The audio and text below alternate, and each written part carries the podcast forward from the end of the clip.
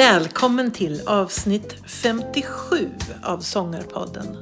Det här avsnittet spelades in i september 2022. Sångarpodden sponsras av Icing, din sångtränare på nätet. I det här avsnittet av Sångarpodden så pratar vi om sångens läkande kraft och om att man ibland kan behöva stöd för att sjunga själv. Om du känner igen dig i det så tycker jag att du ska testa icing. Med icing så får du sångövningar direkt streamade till din mobil. Och du kan sjunga med när du vill och var du vill. Och enklare än så blir det inte. Gå till www.ising.se och börja ditt nya sångarliv redan idag. Sång som terapi alltså. Vi väntar på Marit Eneström.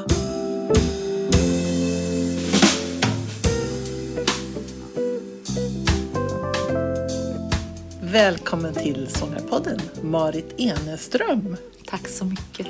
Vi sitter på en häftig, eh, häftig lokal mitt i Stockholm på Östermalm. Ja, men vi befinner oss på Musikterapicentrum mm. som jag och min kollega Katarina Lindblad startade 2011.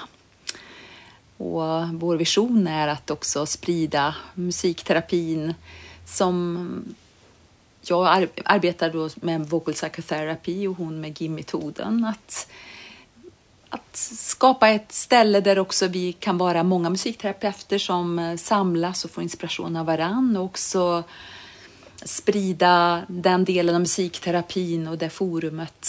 Att man kan komma och eh, om man har en kris eller ett trauma och, som inte är förbundet till ett sjukhus eller en skola utan för, för dig och mig och för olika målgrupper. Mm. Som att eh, sprida den delen av musikterapin också mm. ut, i, ut i Sverige. Mm. mm. Men det här är ju jättespännande för en annan som är helt novis på det här området. Om man ska börja med er bakgrund. Har ni, är ni terapeuter eller är ni musikutbildade eller är det en kombination? Jag har bakgrund som jag är rytmiklärare som är en utbildning som arbetar mycket med, med musik och rörelse som jag gick mm. i slutet av 80-talet, början av 90-talet. Eh, som också hade en väldigt djup helhetssyn mm. som har betytt mycket för mig. Och mm. Jag tänker också att det inspireras mycket av eh, också jag tänker olika kulturer som, som använder musik och rörelse tillsammans. Som Afrika till exempel, där jag också levt mycket, så tycker jag att den hade den helhetssynen mm. som eh, också inspirerade mig att eh, bli mer och mer intresserad av den läkande delen av musiken. Mm. Och det har alltid funnits det intresset för hos mig. Mm. Sen så utbildade mig vidare. Man kunde då gå en påbyggnadsutbildning till sångpedagog. Så jag gick en tvåårig vidareutbildning eh, och arbetade ganska tidigt med ungdomar inom musikskola. Mötte många ungdomar som hade olika kriser som det att vara ung idag. Det var anorexi, det var olika typer av trauma man kunde möta, man kunde mm. se att de gick igenom svåra passager, det var drogproblematik. Så att jag blev mer och mer intresserad av att eh, förstå vad, hur sången, vad sången öppnade upp till, så att mm. säga. Och jag började också tidigt arbeta på kvinnocenter för att jag hade ett intresse av, av den här läkande delen. Och eh, såg vad sången aktiverade öppnade upp till hos människor mm. som var fantastiskt att få resa med. Och det mm. vet ju du och jag som mm. håller på med sång också hur läkande det kan vara, förlösande det kan vara Absolut. i olika sinnesstämningar och få möta sig själv, lasta ut av sig, fylla på, ta tillbaka sin kraft om han har liksom kanske förtryckt delar av sig mm. själv mm. eller inte trott att man är liksom bra nog, vad, vad det nu kan handla om i våra mm. liv. Så jag skulle vilja säga att för mig har det varit en kombination av mina utbildningar och ett väldigt djupt intresse. Att jag har alltid varit intresserad av människan och musiken. Just det. Och att det faktiskt startade, min mamma jobbade inom psykiatrin och jag började som det var då.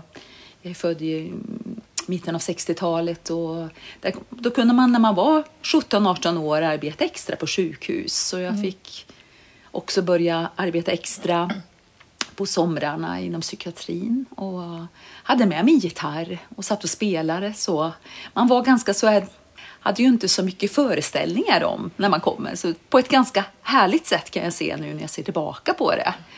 Eh, kunde se det att eh, ja, men här kan vi mötas på ett sätt som inte är, det har ingenting med att egentligen jag är behandlare och du är klient på ett sätt. Utan musiken så möts vi också jämlikt. Så att jag kunde se en, vissa personer även i som ung att hur musiken hade en förmåga att, att gå in till väldigt svåra känslor och få uttrycka dem. Och det var, blev som en, en väldigt djup och stark upplevelse för mig som jag kände att det här skulle jag vilja arbeta vidare med. Men jag hade inte riktigt någon kompass och veta hur man skulle kunna utbilda sig inom det. Men jag tror att den upplevelsen, den tidiga upplevelsen av musikens starka helande förmåga skulle man kunna säga. Som är nästan som en medicin. Så alla som håller på med musik känner ju av det här och särskilt tror jag inom sång. Att man, man har ju den här djupandningen man håller på med samtidigt som det, man musicerar. Men nu börjar det ju komma väldigt mycket mm, som vetenskapliga studier som talar om att ja, vi, det, var, det var rätt det som vi kände.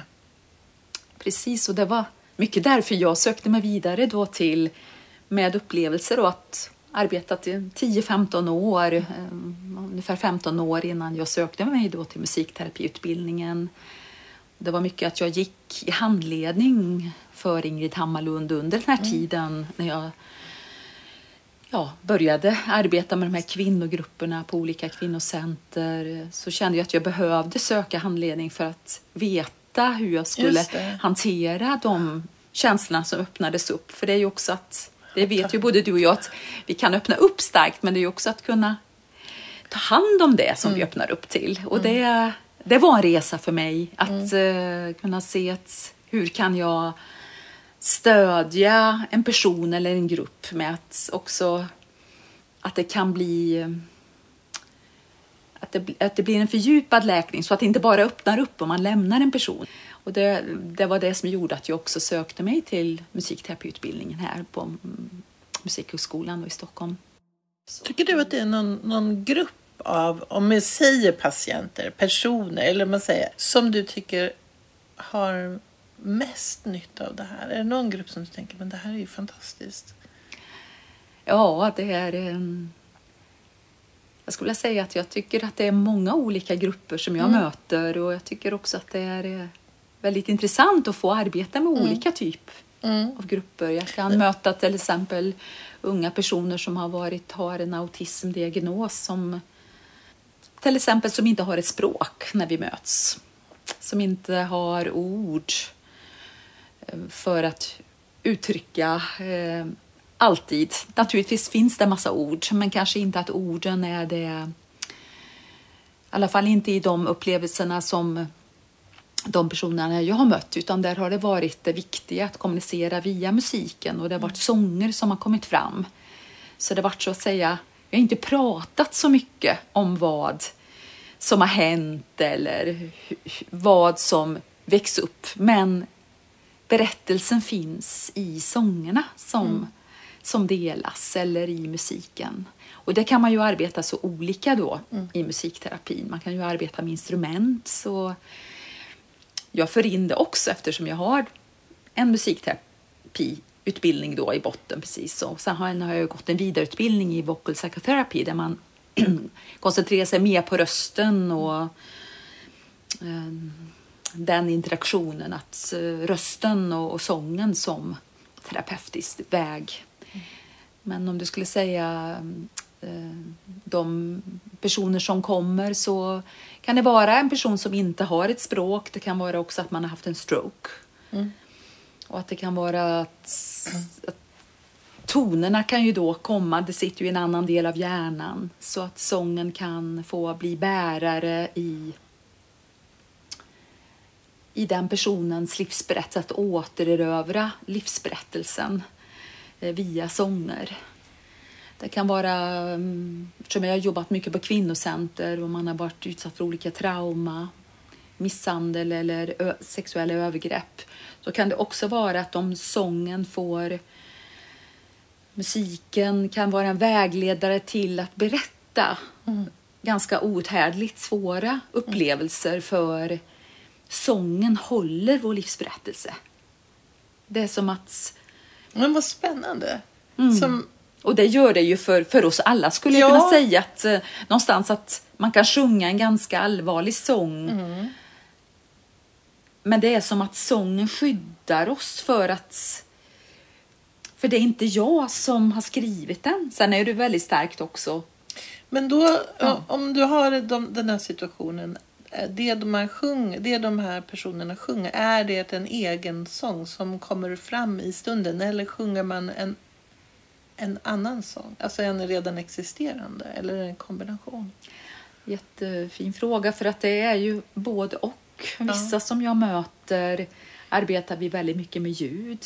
Mm med, ehm, som Diane Austin då som har eh, säga, fött fram eller eh, arbetat fram sin metod vocal psychotherapy talar ju väldigt mycket om att vi har den tidiga interaktionen mellan den som tar hand om barnet, om det är mamma, pappa eller en annan person, så är ju kommunikationen med ljuden lika viktig som bröstmjölken finns det väldigt mycket forskat på. Mm. Alltså hur vi kommunicerar väldigt tidigt i livet. Och så att hon talar väldigt mycket om och, och som jag också arbetar med att det kan vara ljudens kontakt. Att för att komma i kontakt liksom med, sin, sin, sin kropp. Och det är ju lite olika vad man har då för relation till om man kanske har stängt av om man har varit med om svåra upplevelser och det behöver inte vara de allra största traumorna heller. Mm. Det kan vara Alltså jag möter alltifrån folk som har mer djupa trauman och svårigheter till de som, som använder det som mer friskvårdande. Kan man själv behandla sig? Säg att man mår lite dåligt när höstmörkret sänker sig, att man blir lite mindre energifylld. Så här. Skulle man kunna använda musik som någon sorts självläkeri? Vad säger du om det? Ja, jag tycker ju att... Jag tänker att mina vänner när jag levde i Afrika brukade säga så här att sång, musik är en medicin. Mm. Och det är ju forskat mycket på, speciellt körsång, vad det Just gör, det. att man har tagit mm. faktiskt ja, olika värden i blodet innan och efter. Just det. Och det är såklart det är forskat på körsång som har då också den parametern att man sjunger tillsammans som mm. också naturligtvis påverkar oss. Mm. Det här med vibrationer, att det är inte bara min vibration, det är även andras vibrationer jag får ta emot dem, eller resonans så. Eh, och mötet som mm. också naturligtvis spelar in. Men där man har mätt upp oxytocin som är en lugnande och testosteron, det mer aktiverande hormonet det balanserar nervsystemet, det sänker blodtrycket. Det. Det. påverkar vagusnerven som mer aktiverar det parasympatiska nervsystemet som lugnar oss.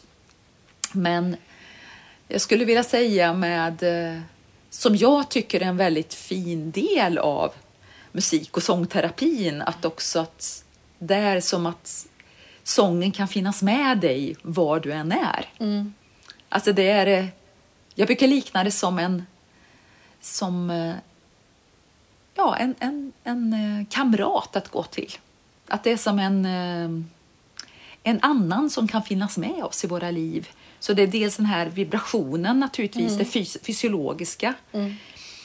Att vi, vibrationen, alltså det, det som jag precis nämnde, att, att det påverkar ju de här funktionerna i kroppen hjärtrytmen, nervsystemet, Eh, men också att få sjunga om man är ledsen en dag.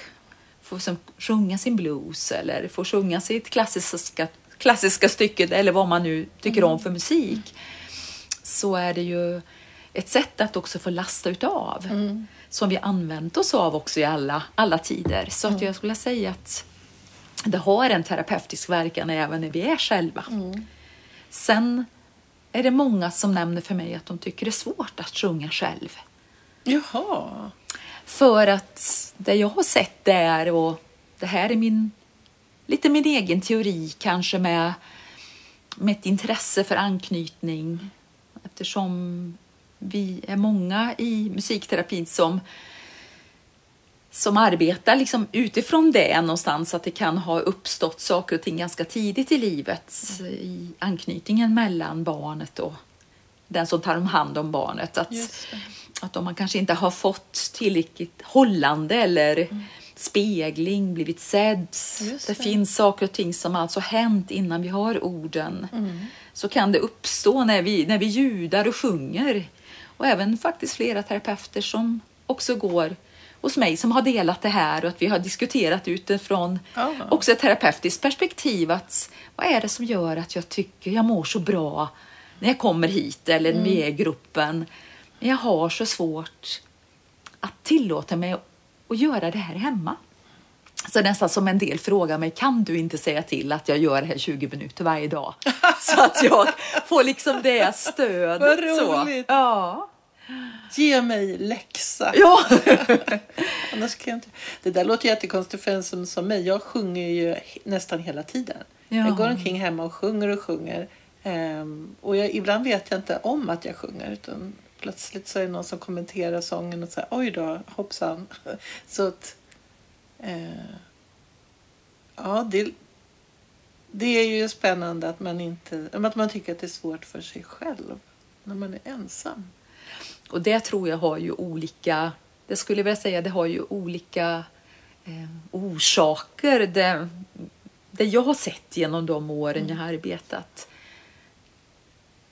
det jag tror att det har med tidig spegling att göra också. Om vi har, jag möter många som, som alltid känt en längtan, men då kanske det var syster som fick sjunga eller det var Ah. man fick höra någonting i skolan att jag inte Just fick vara det. med i skolkören. så Det är det kan finnas det här när man är då själv, att, att man kan behöva det här stödet då som, som, jag, Mm. Som jag kan vara då, alltså i den situationen, eller någon annan person. Att finnas med på den här resan, att um, återta. Jag, jag får det. ofta ordet... Återerövra. Ja, precis det ordet får Mm. jag. Mycket återerövra sin egen rättighet. För jag tycker ju det är en rättighet. Ja, det är. Och det finns ingenting som gör mig så arg. Jo, det finns mycket som, jag, som man kan bli upprörd över. Men, men när människor inte har fått uttrycka sig eh, och eh, att det har varit accepterat så att säga. Att jag får höra va- väldigt många berättelser om jag var inte önskvärd i skolkören eller min mamma tyckte inte om när jag sjöng eller det. så det kan, det kan vara väldigt djupa sår som jag tror att det är många som inte är medvetna om hur djupt det kan sitta. Och att det kan, eh, den här... Att det finns också en väldigt eh, djupgående, tror jag, inom oss människor att kunna uttrycka sig på olika sätt. Och om man då har en längtan att uttrycka sig i sång, precis som det kan vara att man uttrycker sig i bild eller via en text eller i dans, så är ju det en, en kanal som är så fantastisk läkande faktiskt. Och jag tänker ofta på Billie Holiday Mm. eller på Bessie Smith. Och jag har älskat att läsa biografierna om dem. Eller om Edith Piaf. Så kommer ju ofta sången inte alltid från så väldigt sköna känslor. Utan det är liksom en... en eh, ja, vi behöver uttrycka det här. För att orden finns inte riktigt för alla situationer. Så det är också någonting som jag tänker på mycket i mitt arbete. Det är liksom att vi alla bär. Det är någonting också universellt. Vi alla bär känsla av sårbarhet. Vi alla bär känslor av att kanske haft förluster och som har varit för svåra i den stunden för att orka uttrycka. Och där är ju sången, precis som dansen och bilden och, och de konstnärliga uttrycken så fantastiskt kommunikation och ett språk för oss att få använda oss av. Och, och där, det var faktiskt ett ord också när jag gick på rytmiklärarutbildningen som förde mig mycket till Afrika också. Det var ordet ngoma. Som betyder ngoma utifrån, som jag har i alla fall fått lära mig ngoma, så var det just att musiken, gemenskap, naturen, vi delar tillsammans, det är dans. Det, det liksom var det här som hör ihop. Så det är också en stor inspirationskälla för mig. Det är många ursprungsbefolkningar och vår egen ursprungsbefolkning som man tar samernas jojk till exempel. Att vi har det i vår egen kultur. Hur Jag pratade med, jag har en väninna som har gjort en film om jojk så jag blev medbjuden upp till en, en ursprungsbefolkningskonsert då, som hon var med i. Och jag pratade med Christer Stor som har också forskat på jojk. Hur han beskrev jojken, att det, var inte en, det är inte en berättelse, det är inte en... eh, Det är liksom inte en sång, utan det är... Jag, jag, jag jojkar mig själv, jag jojkar kanske min kraft eller jag jojkar att få kraft. Så att det är det här att få en annan relation till sången också.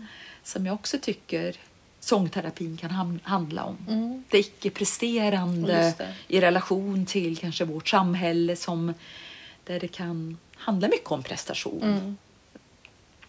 Det, men det kan jag känna spontant att det sitter väl ganska långt inne. Vi är ju en, ett samhälle där man, som är väldigt prestationsinriktat. Det ska liksom vara bra. Det är inte okej ja, till exempel att sjunga om det inte är bra, om man inte är bra. För vi, jag vet inte vad vi har för samma... Jo, jag pratade med Louise Hofsten om, om snaps och Tina Alin om snapssång. Sång. för det tyckte de var toppen, därför där finns det ingen prestation. De ska man bara göra, då skrålar alla med. Nästan inga andra sammanhang får man bara lov att sjunga utan att ha någon sorts nivå. Det är härligt med de här alla kan sjunga-körerna. Ja, och det har ju växt fram mycket mer eh, de sista åren än, än, Mm. Än det var förut. Och jag tycker verkligen att det är fantastiskt att det kan finnas på olika sätt. Att Mm. det kan så. Så att det, det, det är Mm. verkligen ingen på ett sätt motsägning. Att man, man kan behöva musik och sång på olika sätt i vårt Mm. samhälle. Men att då den delen också kan finnas med. Kanske synen också kanske på ett lärarprogram, vad det kan göra. För även när jag började 92 och också arbeta mer ute i skolorna så fanns det att jag kunde få höra att inte lilla Kalle skulle få vara med i Lucia-tåget för att vi tycker att han, han inte sjunger nog bra. Så och jag blev så... Det är så förskräckligt. Det var för, helt förskräckligt Ja. att höra det och det jag kunde känna att det var är också nog en okunskap att, att veta vad, vad det hur ont det kan göra. Att, att man kanske är omedveten om det. Så att det så också skulle behövas eh, kunskap om också även sitter ju i hela livet. Det har man ju hört hur många människor som helst mm, som har berättat om precis det. Att musikläraren i skolan sa att jag fick inte vara med i kören eller jag fick inte vara med. Och jag har så många jag har så många möten med det. Jag har många möten där eh, kommer ihåg en kvinna, hon hade inte sjungit som var fyra år. Jag mötte henne kanske när hon var i 30-årsåldern. Hon började liksom sjunga Carmen och hon ville sjunga liksom Ja, det var, det var, alltså hon hade en, en röst som var så enorm. Och, och jag har så många möten där det varit så. Att det har funnits en diamant inuti. Eller många som jag möter som har blivit missförstådda för de har en djup röst. De kanske sjunger som Tracy Chapman eller Mahalia Jackson eller fast de har då kanske har sjungit väldigt högt i skolan och det har ju också varit tidigare. Nu börjar det komma mycket mer kunskap så det jag talar om är kanske när jag började i början av 90-talet. Mm. Så det, det, har ju hänt jättemycket. Mm. Så att, nu pratar utifrån den min, min resa så att säga. Så att det är ju fantastiskt att, att det mm. händer mycket med alla kanske unga körer eller att det finns forum på andra sätt idag. Men också så tror jag att det behöver fortsätta sprida sig mm. information om, om och, och, kunskap om, om den läkande delen av musiken. Mm. Att den får ännu mer plats så att säga ut i, ut i samhället. Mm. För när du frågade också, för jag kanske inte svarade helt och fullt på den frågan, det här med om, om man sjunger helt fritt eller om man sjunger mm. sånger, mm. så är det ju också så att vissa som kommer i sångterapi eller musikterapi sjunger helt fritt hela tiden. Att, som Diane Austin har hon har ju då arbetat fram vocal psychotherapy-metoden som också bygger utifrån en stor del av improvisation utifrån den här tidiga dialogen som jag var inne på förut. Och där det kan också vara att vi kommer i kontakt med eh, ett icke-verbalt språk utan vi kanske vet alltid med, med hjärnan. Men det som musiken också gör det är ju att den går förbi vårt mentala försvar, in i våra känslor och vi kan få tillgång via ljuden till upplevelser, kommunikation som kanske inte vi har, inte ens vetat om att vi hade. så. Och då kan det, som jag ser det också och, och, och när jag studerade för Diane, att, att den aspekten av oss får vara med då kan det finnas en kommunikation. Så det kan vara att vi sjunger på fria stavelser. Det kan vara att vi ljudar först tillsammans, vi andas. Och vi vet ju hur andningens läkande kraft, hur det påverkar nervsystem och många funktioner i kroppen och till ljuden.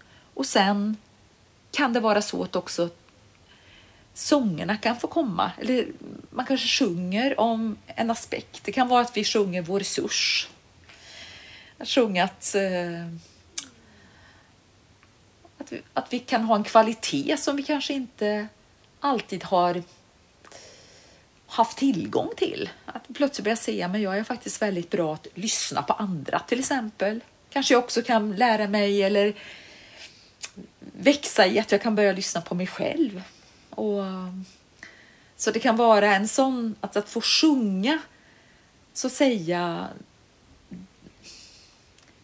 olika sidor av oss själva. Alltså integrera med sångerna. Mm. Det tror jag både du och jag vet att det liksom vad härligt det kan vara att sjunga olika sånger som speglar. Mm. Ibland är man kanske jätteledsen och sjunga You don't know what love is eller, mm.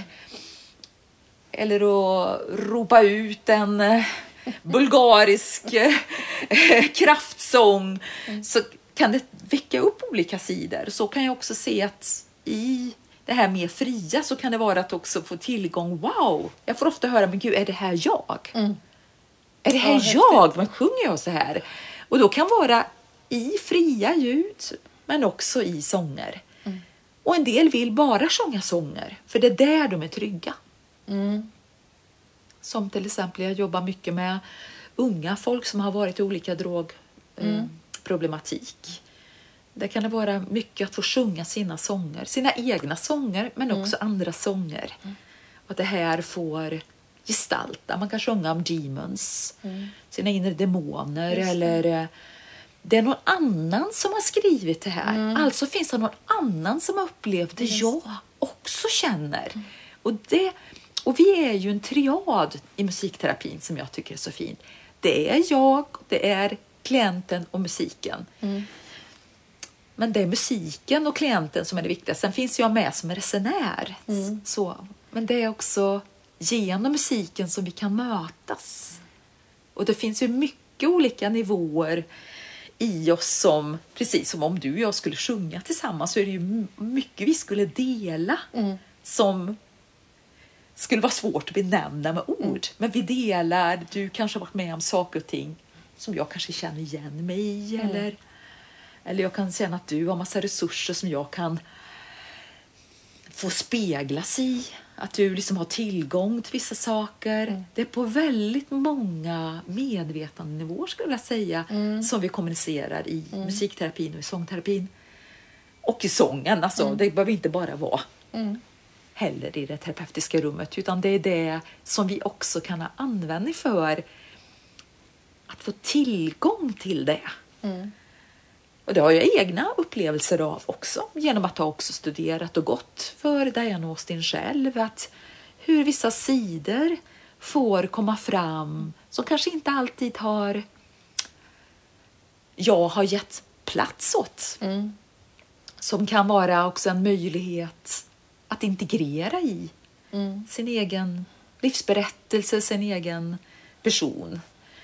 Och um, det är också genom de egna upplevelserna som jag vill dela med mig av att det har betytt så mycket för mig. Mm.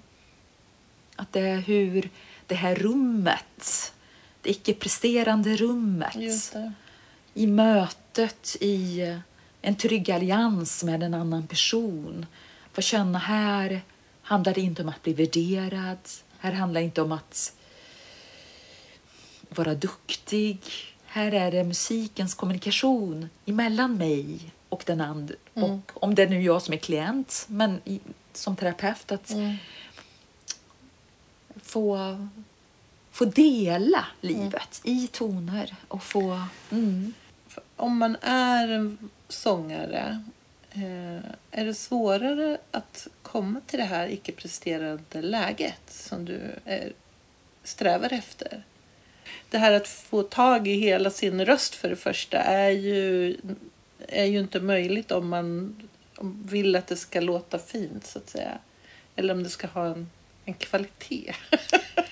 Ja, det är en väldigt viktig fråga för eh, det är någonting vi pratade mycket om på utbildningen också när jag gick eh, min vidareutbildning i vocal psychotherapy. Och ja, eftersom jag själv har sjungit min, min bakgrund också. Jag är inte utbildad sångare men jag har också sjungit mycket för att uttrycka mig själv och, och så så har jag upplevt det och jag kan uppleva det också när jag möter sångare som kommer att det kan vara en omställning i det att få Naturligtvis har vi ju blivit präglade av att det har funnits en betraktare. Mm. Så. Och det är, kan ju vara fantastiskt att få sjunga för någon. Det är ju en, en jättestor gåva. Det finns en mottagare och vad det handlar om. Och det är ju otroligt vackert i det, verkligen.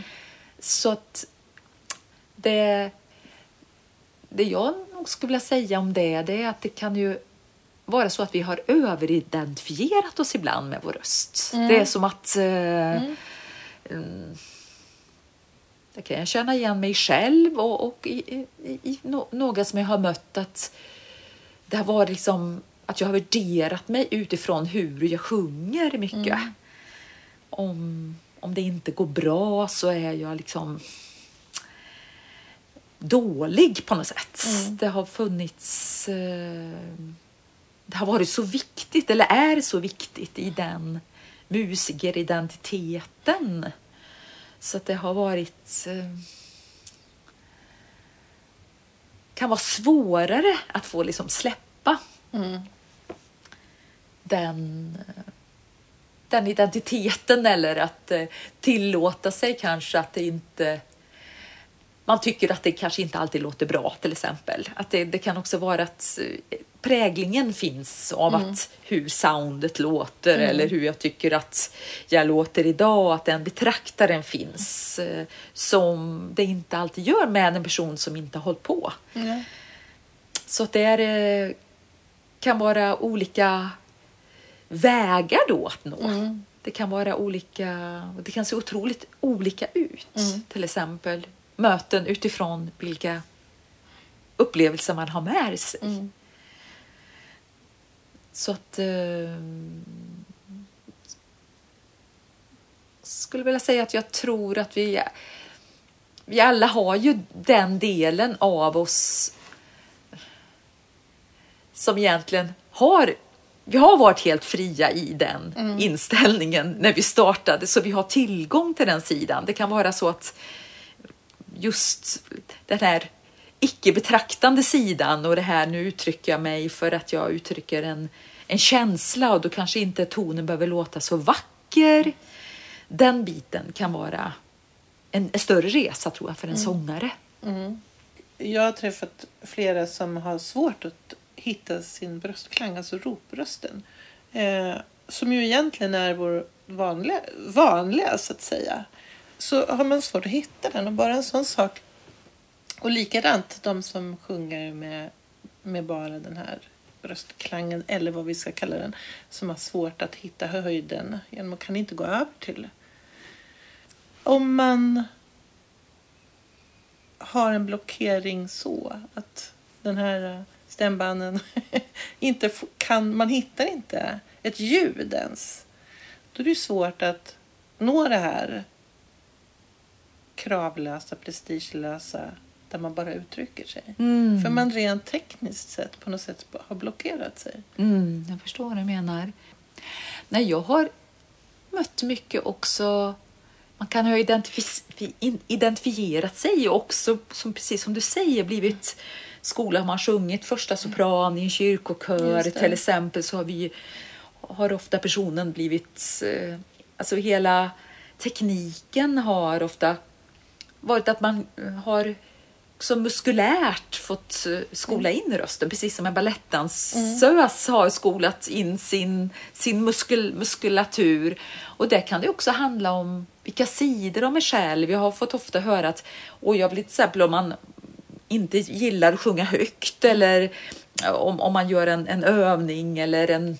För det kan ju också vara att vi jobbar väldigt pedagogiskt alltså, alltså mm. pedagogisk musikterapi, att det kan utifrån se ut som en som att man håller på med, med vanlig sång, så, mm. så, sångundervisning för speciellt med ungdomar så att man skapar en slags väldigt normal eh, situation mm. som kan också vara att eh,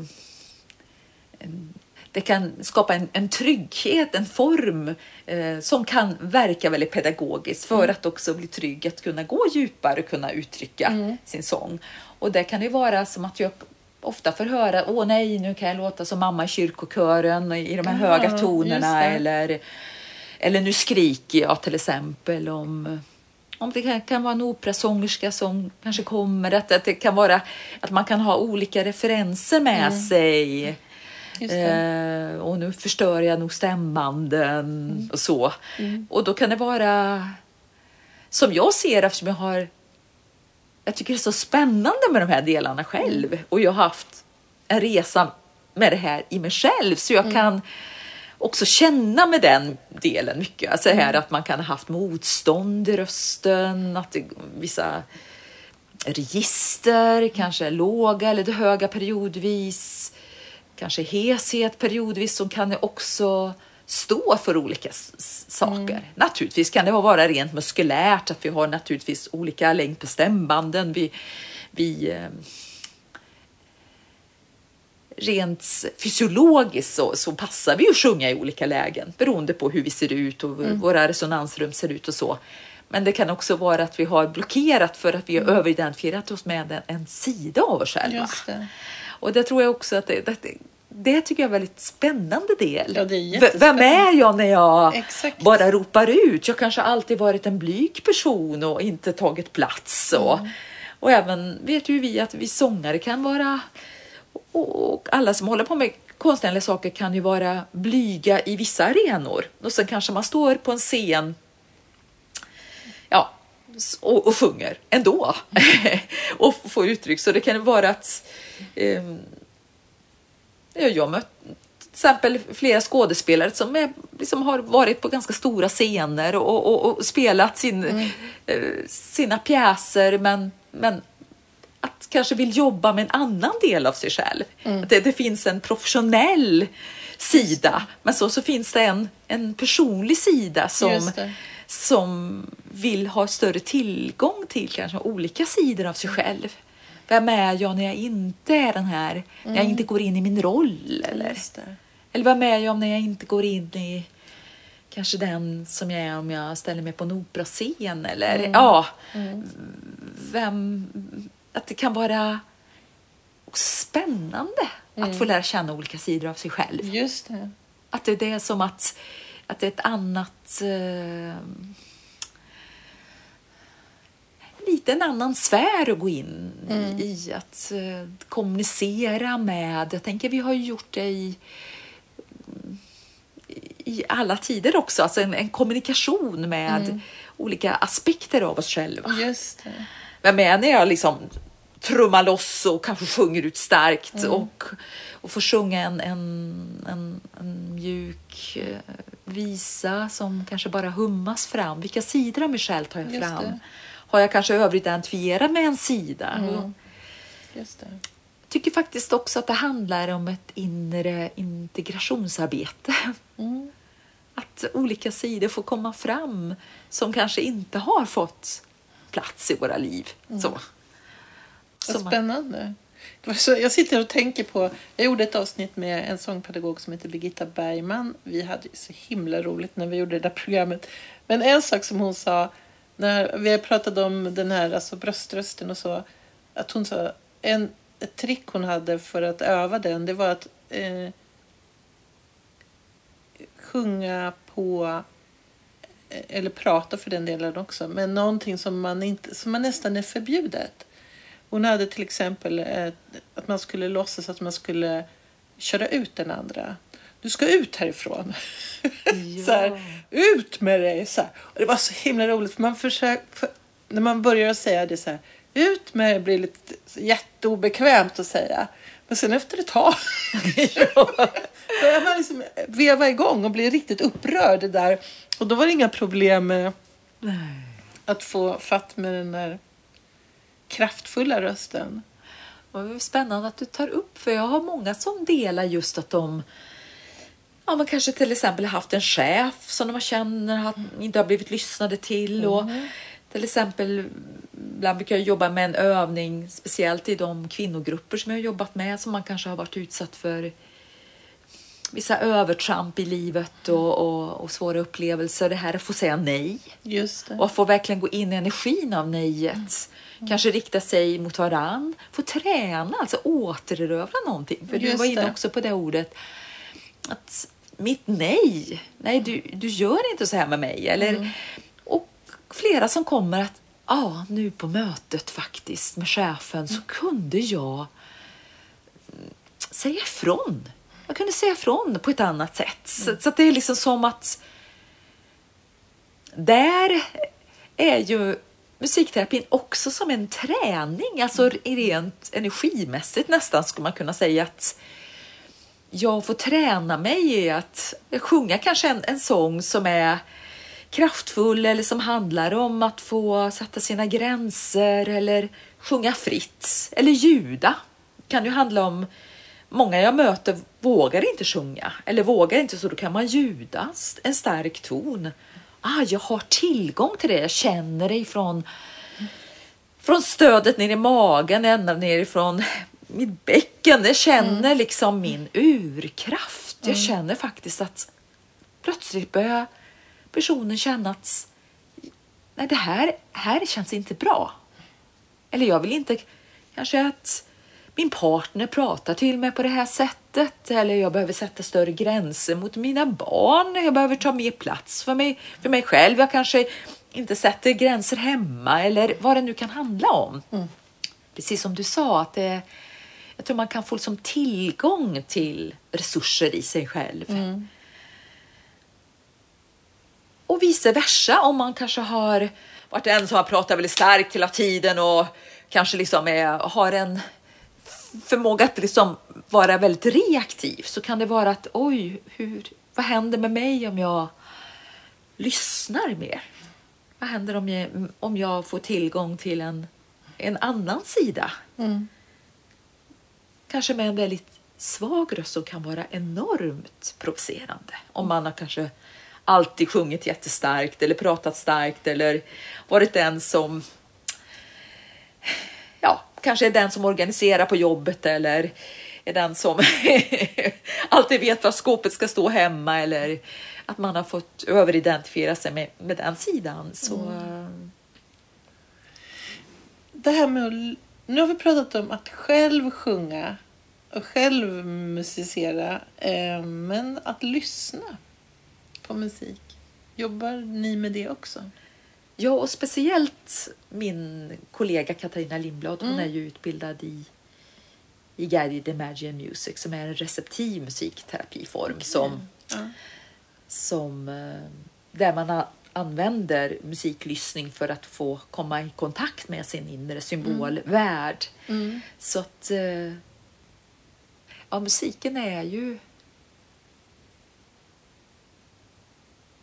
fantastisk. Ja. Och också som är faktiskt viktigt att säga som vi brukar prata om musikterapin att det är ju inte alltid att musikterapi är bra för alla heller. Mm. Det är faktiskt också mm. kanske viktigt att benämna. Yes. För man kan bli lite så här salig själv att mm. musikens kraft och musikens språk. Det är ju så att ibland kan det ju vara så att eh, musiken kan öppna upp för snabbt mm. också. Man kanske behöver hålla. Okay. Den går, ja. går ju väldigt rakt på mm. för att eftersom den går förbi det mentala mm. försvaret. Så ibland kan det vara att man att jag som musikterapeut kan känna av att den här personen kanske behöver en annan, annan väg. Också kunna vara kanske behöver eh, det är inte så att det passar alla heller. Mm. Så jag såg, och det har väl flera sett, eh, dokumentärer om Alzheimer-sjuka som eh, är icke-kommunikativa och sen så får de lyssna på musik som de har lyssnat på som unga. Och då är det som att sätta på dem igen nästan. en on-knapp. Och plötsligt kan de berätta en massa saker. Och ha precis klart för sig var, var de bodde någonstans, vilken eh, trappuppgång och vad som hände och en massa saker och information från hela sitt liv. Och sen slutar musiken och då är det som att stänga av personen.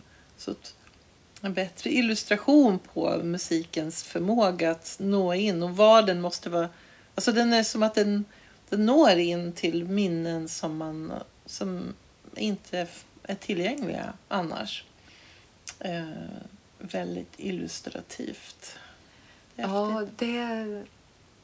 Jag tycker att det är väldigt fascinerande. Jag har flera kollegor som har då specialiserat sig mm. inom demensvård till exempel. Mm. Och min mamma hade svår Alzheimer i, eller Alzheimer helt enkelt i, i tio års tid. Så mm. att jag också har en väldigt nära erfarenhet av att vi vi kommunicerade de sista åren otroligt mycket med musiken. Mm. Och det var precis den upplevelsen som, som du delar. Och, och, jag var mycket på hennes eftersom hon levde på en demensavdelning under lång tid. Mm. Och tyckte väldigt mycket om att få... Eh, jag spelade olika eh, sånger som jag visste var viktiga i de som bodde på demensavdelningens mm. liv. Och hur det öppnade upp till, precis det du säger, till samtal som som inte fanns där annars. Nej. Utan det är ju också så att det aktiverar ju många delar av hjärnan när vi musicerar. Mm. Och när vi sjunger och, och, och, musiken aktiverar flera center. Och, så att det kunde vara så att, att den här sidan och språket kom fram. Som med min mamma till exempel hade inte språket under lång tid mm. heller. Så att det kunde vara att den här musiken öppnade upp till berättelsen och kompetensen mm. som man ju då har förlorat genom sin sjukdom. Ja, men det var precis så i det här programmet. Ja, och så har jag några kollegor som är mm. väldigt specialiserade på det här mm. också och har arbetat fram fantastiska metoder. Så det är ju ett eh, fantastiskt viktigt mm. Eh, redskap. Mm. Också utbildar vårdpersonal att kunna mm. där du tog upp också det här att kunna se vilken musik som har funnits med i personens liv. För det kan också vara att livsberättelsen kan få finnas med och det, det kan det göra i all, all typ av musikterapi naturligtvis men extra viktigt när man har förlorat Mm. den eh, kontakten med många delar av sig själv. Just det. Nu har ju ännu inte vi varit äldre då eftersom vi har det liksom fr- framöver. Men jag tänker att när man har haft musiken som ett starkt språk så är ju det en sida av sig själv som som blir den här djupa kontakten som också skapar någonting i, i oss som är ju ibland nästan svårbenämnbart. Men det är eh, det blir som att jag tror att, att vi, vi levande gör vår, eh, vår själ med musiken. Vi levande gör det är en... eh, Jag kommer ihåg en nära väninna som jag var med på många när hon mötte sin flamencolärare och han berättade om en flamencosångare som, som var, han var, hade tror jag förlamning på stämbanden. Men när han bara började sjunga så var det någonting som mirakulöst så kunde han börja sjunga igen för han sattes i, i kontakt. Det är ju det är ju krafter i musiken också faktiskt. Det är ju liksom en eh, en otrolig vitaliseringsförmåga. Och jag tänker då som den här mannen du de- delade om, bara vad som händer med fingrarna och hjärnan. Så hur det aktiverar center i den motoriken. Och vi säger ofta i musikterapin att vi arbetar både i det fysiska, i det emotionella, känslomässiga, i det mentala och andliga perspektivet. Och jag tror faktiskt också det andliga perspektivet, alltså den, vad vi nu vill kalla det för, att det är livskraften eller den förmågan som musiken har att gå in i en slags eh, kommunikation med någonting. Ja. Ja, men jag tycker att det är väldigt fascinerande eh, det som händer när man musicerar ihop. Och det måste ju du uppleva i, hela tiden i ditt jobb. Den, en, den kommunikation och interaktion som man gör som ju inte liknar någonting annat. Eh, jag, kanske när man dansar eh, tillsammans. Men det är ju som att man har någon sorts eh, en interaktion, men den är, vad består den av egentligen? det är ju jätte, jättehäftigt. Man har inga ord för vad som händer. Men eh, som att man är i ett band till exempel och så gör, spelar någon någonting som man svarar, någon annan svarar på. Och så gör den tredje någonting och den fjärde som gör någonting. Och hela tiden blir det som ett att man reagerar, interagerar och reagerar på det man gör. Och så flödar det på och låtarna löper framåt så här. Men vad är det? Det är ju jättespännande. Jag tycker ju att det där är fantastiskt faktiskt. För jag tror också att det jag till exempel, jag och Katarina förenades i när vi startade Musikterapicentrum, det är också faktiskt den andliga delen av eh, och den ibland har jag upplevt i Sverige kan vara lite vi säger ju det i musikterapin så det är inget konstigt men hur kan vi benämna kärlek till exempel? Och vad det sker i ett möte när man upp, uppstår kärlek eller i ett band som du säger när det här händer. Så tror jag att det är kommunikation mellan så många nivåer av oss. Men till exempel när jag, jag var i Indien för att ha en nära vän som är yogalärare så jag följde med där och så var jag med på en, en röstyoga-lärarutbildning. Och där är det helt självklart att man pratar om en andlig aspekt. Att den finns med. Den, det är så integrerat i det samhället. Så det är inget konstigt medan ibland har jag upplevt att kanske när man pratar om en andlig aspekt och jag har inte heller nämnts under, under vårt samtal en person som är också otroligt viktig för mig. Det är Carl Gustav Rydvall som jag mötte som Eh, när, jag, när jag gick på Musikhögskolan så gjorde jag praktik hos honom. Han var både musikterapeut och kyrkomusiker och han jobbade med något som heter sång som livskraft. Mm. Och musik som livskraft kallar han det. Och det var just att föra in... Han pratade mycket om kärleken och han pratade mycket om, om, eh, om den andliga aspekten och behöver inte vara, det handlar inte om religion, men att, att, att få vara sedd i ett högre perspektiv eller att få kommunicera med musikens livskraften. Mm. Och det kan också vara lite mer neutralt, som att det behöver inte vara att man liksom förknippar andlighet med religion, utan Men vi kanske- musikens språk. eh, Vi kanske alltså inte sak, vi, vi kanske inte har ordet. Precis. För det, där, det är ju någonting som händer. Ibland så använder jag ordet att det är ett intimt. Det är intimt, men det förknippas ju med andra saker. Ja. Så det är inte heller riktigt rätt ord. Och kärlek har ju sin betydelse. Man kanske skulle hitta på ett, ett nytt ord som är, som är det här som händer mellan människor när man musicerar ihop. Ja, jag tycker på ett sätt, det som kom till mig när du sa så, om jag bara, men det är svårt att benämna med ord, men det är ett själsligt möte. Mm. Det kom till mig att jag, Mm.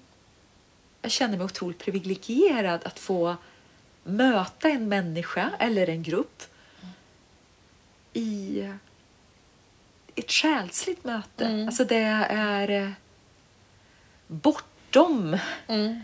på ett sätt personligheten också. Alltså det, är det är människan och det som den personen är. Men det är också någon nivå som är med som musiken tar oss till. Som precis, det är svårt att benämna för det kan lätt bli Ja, det blir lite pretentiöst. Det kan bli väldigt högtravande och pretentiöst. jättekonstigt.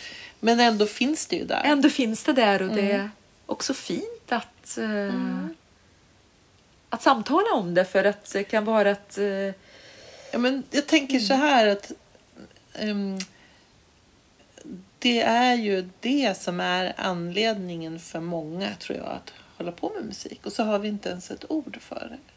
För det, är det, det är det man upplever när man musicerar ihop. Det är det, är det man vill ha. Några kanske håller på med musik för att få stå på scen. Att man kanske har ett narcissistiskt drag eller någonting sånt där. Att det är det som är målet. Men de flesta håller ju på med det just av den här anledningen. Ja. Tror jag i alla fall. Absolut. Jag kan se också som, som eh, om man tar till exempel både om man om man är i ett musikterapeutiskt sammanhang och musicerar eller i ett band. Att det är någonting att få liksom dela väldigt djupa värden tillsammans. Eller få, det är så många, många delar av oss själva. Som att få Ja, men man är kanske så. inte alltid... Eh, om man, så, man har en middag tillsammans och sitter och pratar kan det ju vara... Det kan vara jättehärligt och det är ju helt underbart så. Mm. Men det kan vara att... Jag till exempel, om jag bara tar mig själv som exempel så har jag känt mig ganska blyg i många alltså Mm. skolsammanhang när jag växte upp. var inte den som hade så lätt att liksom ta plats.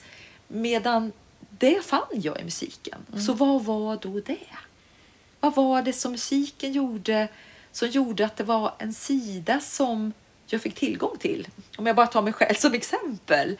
Så att jag tror att det är många som kan känna igen sig att man kan få ett kontakt med ett större spektra i sig själv som sen också kan sippra ut i andra arenor. Just det. Och jag tycker till exempel, jag tänker hur... I mitt Blev du mindre blyg då? Ja, jag fann det var en viktig länk i mitt eget identitetsskapande. Om man låter kanske lite högtravande att säga. Det var någon i mig som att jag blev till på något sätt. Om man vill leva, använda musiken för att leva ett hälsosamt liv, vad skulle du skulle ditt tips vara då? Så jag tycker det är spännande för musiken och rösten och sången eh, balanserar ju vårt nervsystem. Det kan ju också aktivera aktivera det så att det blir stressande också. Så det är inte alltid så att musiken balanserar. Men det som kommer till mig genom de åren jag har arbetat är att musiken kan hjälpa oss att reglera. Att det kan vara en som ett sätt att uh, lära sig att få tillgång till olika nycklar. Att kan, det kan handla om i en människas liv att göra ljud när man vaknar, när man diskar eller uh, sjunga, sjunga med några sånger som man kanske har gjort en Spotify-lista till. Sjunga med i köket om man kanske inte har möjlighet att, att ha allt för mycket tid till det. Så att det. Och det kan vara som då en, en möjlighet att få reglera. Låt säga att man kanske bär en, en inre stressproblematik. Som behöver inte vara att man har eh, de stora trauman med sig, men det kan vara ett, ett, ett sätt att reglera sin vardag, få tillgång till sjunga sjunga sig till kraft så man kanske har en, några sånger man sjunger till. Lyssna på Älska mig för den jag är. Kanske känt att det finns sidor av mig själv eh, som har kanske alltid varit väldigt bra för att ta hand om andra. Det är ju många som kan känna igen sig i det. Mm. Kanske varit väldigt bra på jobbet eller för familjen men haft svårare att mm. ge det till sig själv. Så den här egenstunden kan vara som ett sätt en ventil i vardagen. Mm. Kan man lura sig själv med musik? Alltså så, ungefär så här, om jag säger att höstmörkret sänker sig, jag brukar bli ganska låg. Alltså inte låg, inte precis deprimerad, men när det blir höst och mörkret kommer, då tappar jag energi. Alltså jag blir ganska håglös skulle jag vilja kalla det. Eh, kan man lura sig själv då? Kan man göra en glad Spotify-lista? Funkar det tror du? alltså det där är ju väldigt eh, fin fråga för det är ju så att musiken har ju de parametrarna mm. och eh, det finns ju mycket forskat just på sång, musik, musik och depression till mm. exempel. Mm. Hur alltså, det finns ju en aktiverande tillgång i musiken som språk mm. vad det gäller rytm, tonhöjd. Och jag tillhör inte de som tror att Åh, Mozart är bra för alla och det brukar vi säga i musikterapin heller. Det mm. finns inte, jag tror inte personligen på att det finns speciella sånger som är bra för alla. För det kan ju vara så att för dig är ett stycke mm. det som lyfter dig. Och, och för Anna-Lena kan det vara något annat. Så det kan vara väldigt personligt vad vi... Eh... Men du skulle, då skulle man kunna säga att jag skulle kunna göra min höstlista. Absolut. Sen är september, oktober säger vi. Min oktoberlista och sen novemberlista. Med låtar som, är, som får mig att bli lite gladare. Så måste den vara ännu mer gladare i november och december för att det ska funka. Och så spelar jag det på mor morgonen när jag vaknar kanske. Ja. Tror du att det kan funka? Jag tror ju absolut på det. Ja. Och jag reglerar mitt eget liv mm. så. Alltså jag har olika musik i olika perioder. Mm. Ibland är det mer stillsamma. Mm. Och personligen tror jag också på kombinationen där, men det beror på lite grann var vi är. Mm. Har vi till exempel en väldigt utmanande period så kan det ju vara för tufft att att möta kanske lite sorgsamma sånger. Annars, annars tror jag att vi kan behöva ibland min erfarenhet mm. utifrån mitt eget liv och de jag möter. Mm. Att både ha det så vi får känna med oss själva. Mm. kan vara så att man kanske behöver få känna hur tungt det är. Just det. Och då kommer den sången som bara åh. Just det, nu är det jobbigt här. Då är det tungt eller kanske en artist som har den här rösten som liksom det gör ont. Mm. Jag vet jag kan ha så, till exempel jag har Joni Mitchell som sjunger Both Sides Now eller som sjunger någon annan i hennes de här senaste inspelningarna med symfoniorkester som bara är, alltså det är bara så smärtsamt och jag som man får reglera genom att känna med sig och då är det lite grann som som jag tror vi hade tillgång till mycket som när vi var barn. Om vi får känna med oss så kan det också reglera att vi får känna oss att vi mår bättre för att vi... Men ibland så är det så att vi... Det kanske blir för tungt. Ja, den där Spotify-listan. Jag har många olika själv. Som jag tror just att det stimulerar olika saker. Jag, Mina gråtlistor och mina mer upp, upplyftande listor. Och Men vilket bra tips! jag tror på det och jag kan känna att ibland kan man instinktivt känna nej nu behöver jag gå till gråtlistan. Ja, För nu, det är ungefär som att jag skulle vilja se någon sorglig film. mm, Man kan gå och hulka och sitta på bio liksom och känna att man gråter ut det där som man kanske har burit. Och samma med musiken. Jag, jag får möjlighet att faktiskt få bara känna att det får... Och det är okej, för det är också inom begränsad period. så. För jag är också utbildad i röstyoga, för jag har intresserat mig av liksom, ja, också att föra in ja, men ljuden i kroppen och få kunskap också från den mer indiska traditionen och yogiska traditionen. Med den enorma kunskap de har utifrån eh, läkning av, av ljud och vibrationer. Och där talade vi mycket om till exempel att det finns ju mycket gångbad som är att man kan gå på gångbad, att man spelar på sådana stora gång, gångar. Eh, och det kan ju vara otroligt läkande för många, men man ska också veta om att ljuden penetrerar ju in i vårt inre. Så det kan vara precis tvärtom för någon person. Att det kan vara att tonen blir för stark. Den, den som når in kanske till, eftersom vibrationen i tonen går ju till vårt neuromuskulära system som har nära kontakt med psykologisk respons i kroppen. Så den aktiverar, det är ju lite som kan ju vara massage eller kroppsterapi också. Att aktivera då en, musk, mus, en muskel som har hållit och behöver kanske hållas ett tag till. Just Men det. den når in och det blir en för snabb process för nervsystemet att ta åt. Så att det kan vara att det blir en enorm ångestnivå och att man kanske inte kan. Ja. Man kanske ligger där bland massa andra personer. Så det är inte alltid så att ljuden har en läkande effekt. Det kan också vara ha precis tvärtom. Beroende på personen, vad den bär med sig, vad det är för typ av musik, Just det. vad är för situation.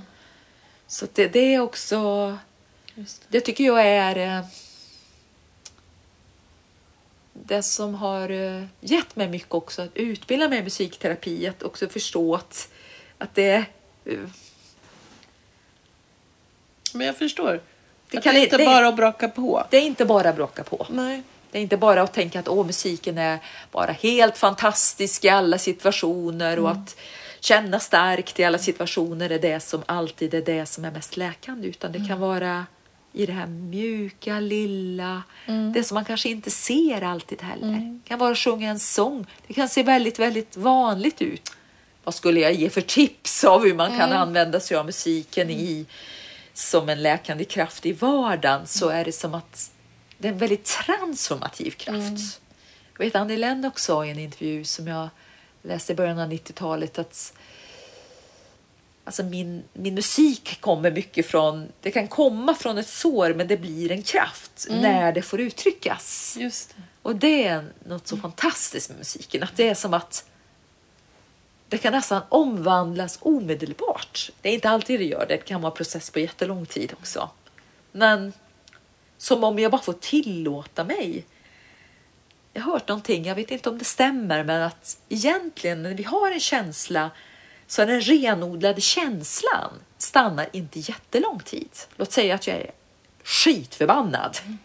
Så är det om jag bara tillåter mig, nu får jag vara förbannad. Låt säga att, att det finns möjlighet till det. Så stanna, om, om, om det finns ett utrymme att ta hand om den så stannar den egentligen inte så länge. Det är liksom förtrycket av att inte få Ah. uttrycka den Det är det som... som lätt kan bli att det blir en stagnation i det som stannar kvar i systemet. Och jag tror vi är många som upplever det att vi har många upplevelser i livet där vi inte har fått säga ifrån.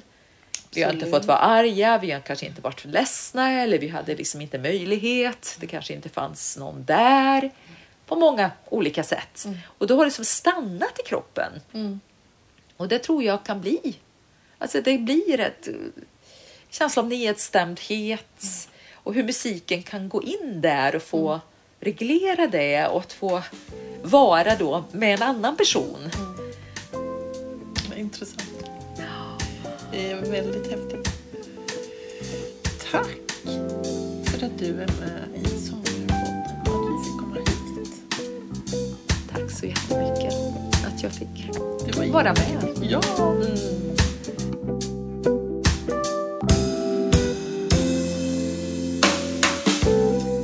Du har lyssnat på Sångarpodden. Och vill du ha mer information eller få länkar till artister med mera så gå då till vår egen webbplats www.sangarpodden.se. Vi hörs! Du som är sångare och tycker att det är svårt att hålla igång din sångröst. Kolla in Icing, din sångtränare på nätet. Gå in på www.icing.se ising.se så får du veta mera. Vi hörs!